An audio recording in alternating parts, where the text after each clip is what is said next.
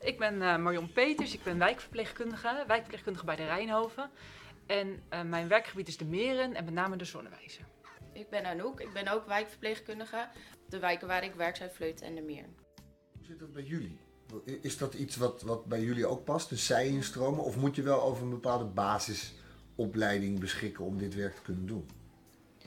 Ja, ik weet het eigenlijk niet. Nou, uh, ligt we krijgen ook zij-instroom. Dus we krijgen MBO-studenten, HBOV-studenten, um, allerlei uh, studenten. En sommigen zij doen dan ook de opleiding van opstap van de Rijnhoven. En de andere komt gewoon bij het ROC, bij de HU vandaan.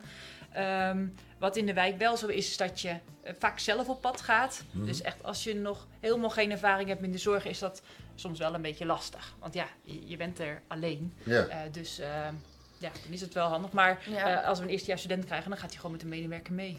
Ja, ja want het past ook in de, uh, in de academy, zoals de Rijnhoven die zelf intern heeft, daar past dit ook in. Daar, daar, ja, daar word zeker. je ook voor dit...